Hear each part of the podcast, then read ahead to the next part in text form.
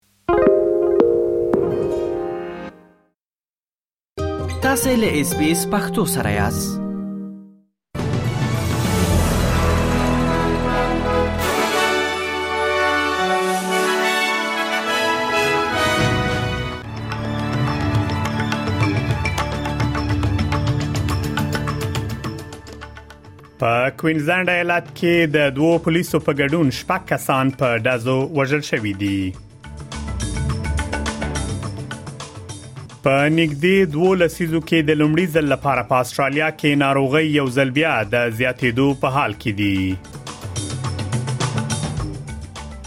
په ایران کې د حکومت ست مظاهرو په لړ کې یو بل کس هم اعدام شو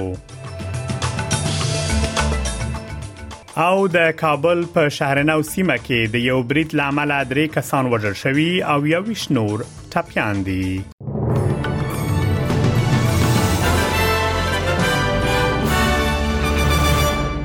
قدرمن اوریدونکو اوس هم پام وکړئ بشپړ خبرونه ته د کوینزلند ایالت په ډارلینګ ډاونز سیمه کې د دوو پولیسو په ګډون شپږ کسان په دزو وژل شوې دي راپورونه ښیي چې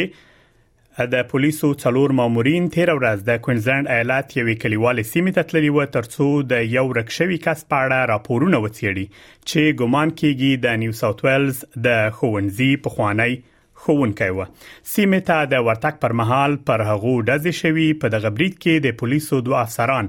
لومړی سخت جوبل شوی او بیا یې سا ورکړې ده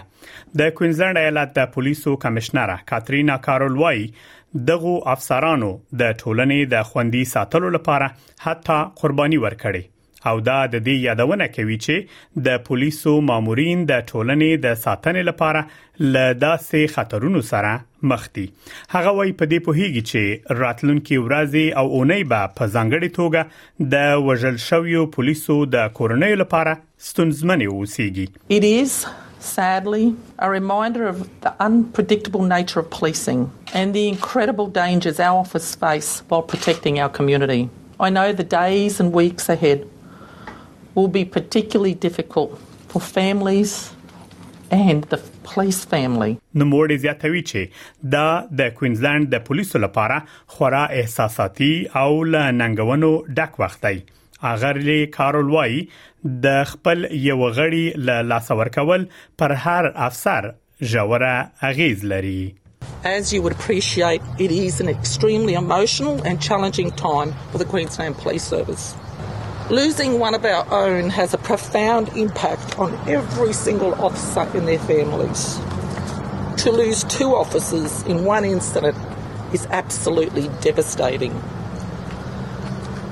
This event is the largest loss of life, police life, we have suffered in a single incident in many years. په ایران کې د حکومت ضد مظاهرو په لړ کې یو بل کس هم اعدام شو په ایران کې د محسا امینی لمرګ روسته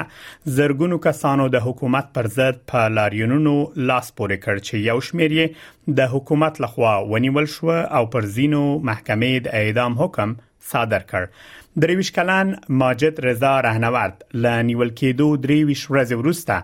په دار وزړول شو نوموړی د محکمې لخوا د مقاومت بسیج ځواکونو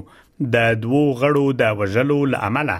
خدای سره د دښمنۍ په تور په دار وزړول شو په بهر کې میشته د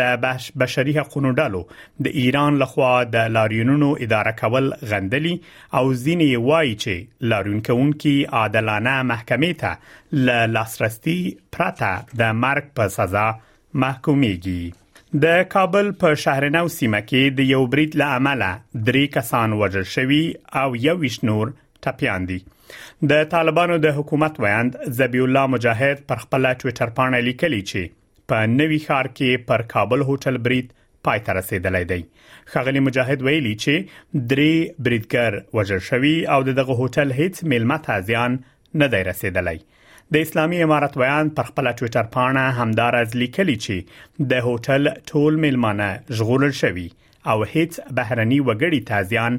نه دی رسیدلی یوازې دوه تنه بهرني میلمانه هغه مهال ټپیان شوي چې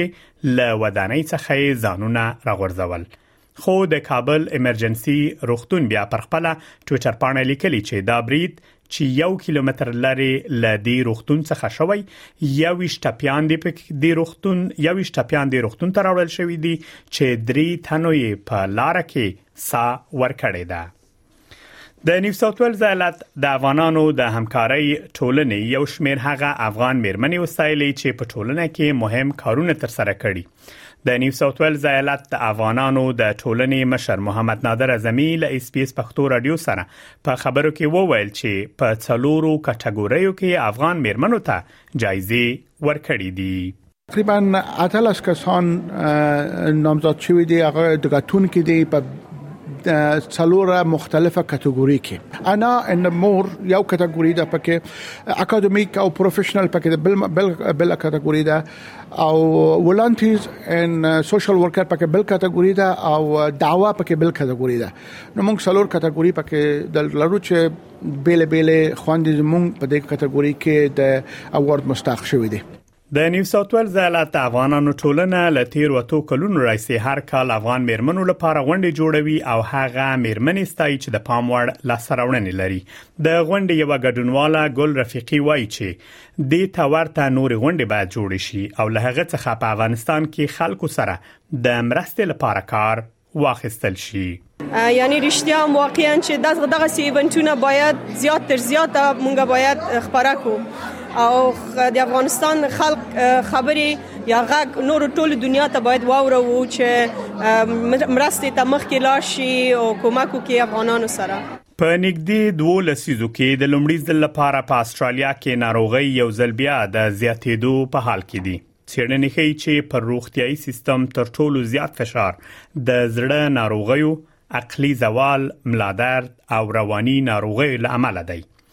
کووید 19 یو له هغو ناروغیو څخه دی چې په تیرو دوو کلونو کې یو زیات شمیر کسانو د دغه ناروغي لامل خپل ژوند له لاس ورکړی مګر بیا هم د ناروغي په لست کې اتم ځای لري چې ډیر خلک زیانمنوي او پر روغتيایي سیستم زیات فشار لري د استرالیا د روغتیا او هوساینې انسټیټیوټ وایي د زیاتوالي سره سره ملت د هغه په پرتله روغ پاتې دی کله چې په 2003 کال کې څارنه پیل شوې و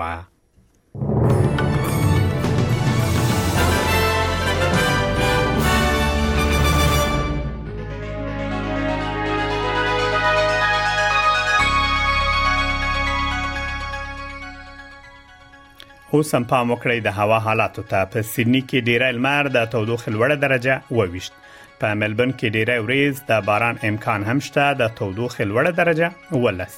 په برزبن کې باران د تودوخې لوړه درجه نه ویشت په پرت ښار کې نیمه وریز د تودوخې لوړه درجه وویشت په ادلید کې ورځ ورځ د باران امکان هم شته د تودوخې درجه 15 په داروین کې باران د طوفان امکان هم شته د تودوخې لوړه درجه 14 په کانبرا کې نیمه ورځ د تودوخې لوړه درجه 19 په نیوکاسل ښار کې ډیری لمر د تودوخې لوړه درجه 28 او له استرالیا څخه بهر په کابل کې نیمه ورځ د تودوخه لوړه درجه و او ټیټه منفي درې په پیښور کې هم ډیره لمر د تودوخه لوړه درجه 22 او ټیټه نه د هم د استرالیا ډالر پر وړاندې د نور اسارو بای د استرالیا یو ډالر آتش پیته امریکایي سنټه د استرالیا یو ډالر څلور شپېته یورو سنټه او 55 بریټانوي پنسه کیږي د استرالیا ډالر 1550 هندیو کلدارو او یو سلو یو 50 پاکستانیو کلدارو سره برابرېږي او د استرالیا ډالر 950 افغاني کیږي خبرونه همدومره و ل ملتیامو مننه کومه